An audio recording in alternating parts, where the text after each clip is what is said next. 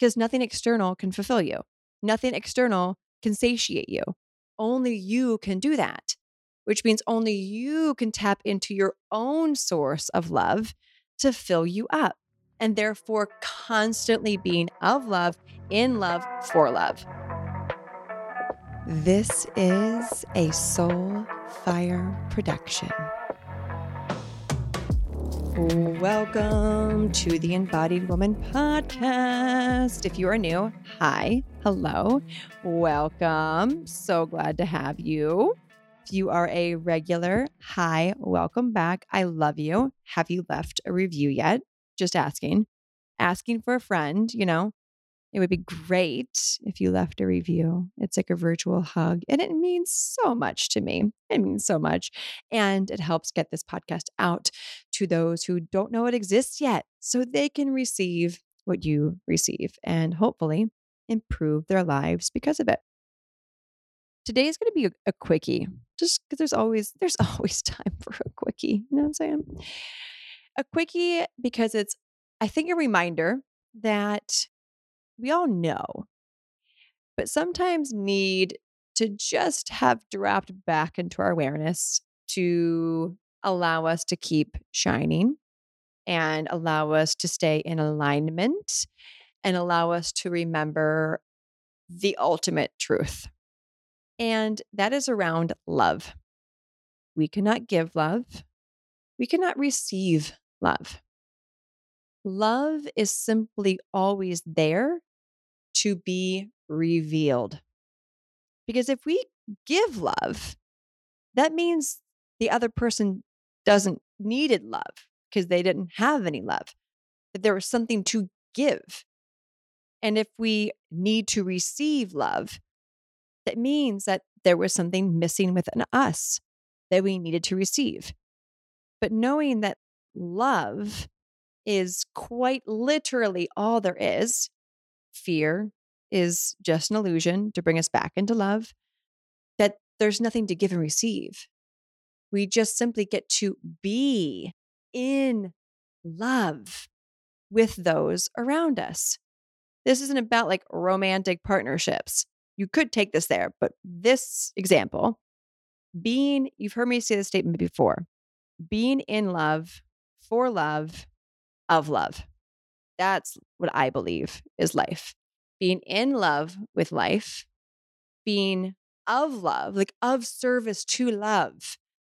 And then you could take anywhere with that being in love, of love, for love, being in service for love, showing up in the world on behalf of love, because that's all that we are. Now, what if you took this and if it resonates and you show up in your life accordingly? Like, how different do you think that you would show up in your partnership? If there was no love you needed to give or receive to fill a void, that you just simply bead, you just simply brought yourself to the relationship and opened your heart and were present and listening and speaking and being fluid communicating, all of that love, wouldn't that keep your cup full and their cup full? But in the end, it really doesn't matter about their cup because it's their responsibility to fill their cup up. It's not our responsibility to fill our partner's cups up. It's not. It's their job to fill their own cup up. It's their responsibility. It's selfish to think that someone else should be filling our cup up. It's full of self to know that it's our responsibility to fill our own cup up. And therefore, when our cup is overflowing, we're able to remember that we can't give or receive love. But it's in the moments that we don't fill our cup up, we rush through the day, we make everyone else a priority, we overextend ourselves, we don't have boundaries, we don't have a self care practice, whatever it is, fill in the blank, all of those things that then we're needing external things to fill our dry cup up. But are they ever going to satiate you? Are they ever going to really fulfill you? No, of course not. Because nothing external can fulfill you. Nothing external can satiate you. Only you can do that, which means only you can tap into your own source of love to fill you up. And therefore, constantly being of love, in love, for love. And if your partner is doing the same, can you imagine how great the relationship is going to continue to evolve into?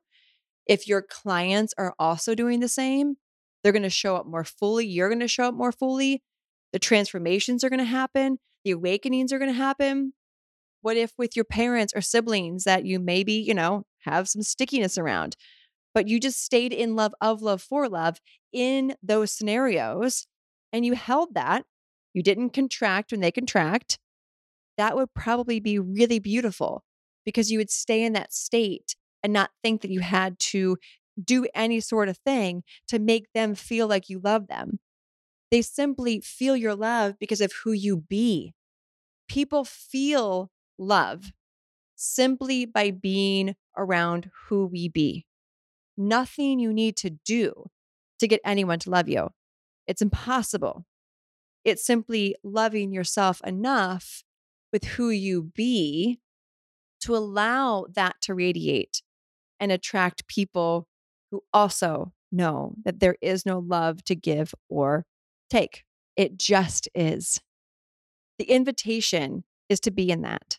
The invitation is to remember that the more you choose to radiate and be in love, the more you attract people who also are vibrating like that, clients who are also vibrating like that, therefore making you more magnetic, more alive, more in alignment, where you can truly create an abundant life for yourself in love, for love, of love, because there is no way to give and receive it when we are it. Ah, if this quickie was exactly what you needed, the short and sweet reminder that we all need raising my hand, raising my hand, I'm with you here and there. Go ahead and screenshot this, share this on your stories, tag me, pay this quickie forward for anyone in your life, in your community who also gets to remember to come back home to the ultimate truth, which is love. As always, choose, well, love, choose happiness, choose rage, whatever it is, just choose it.